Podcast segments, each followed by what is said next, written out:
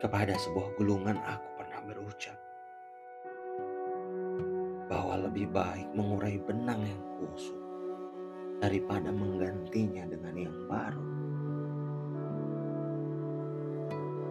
Namun aku lupa,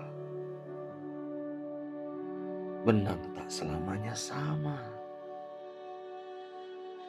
Ada yang memang hanya kusut dan perlu diluruskan lagi.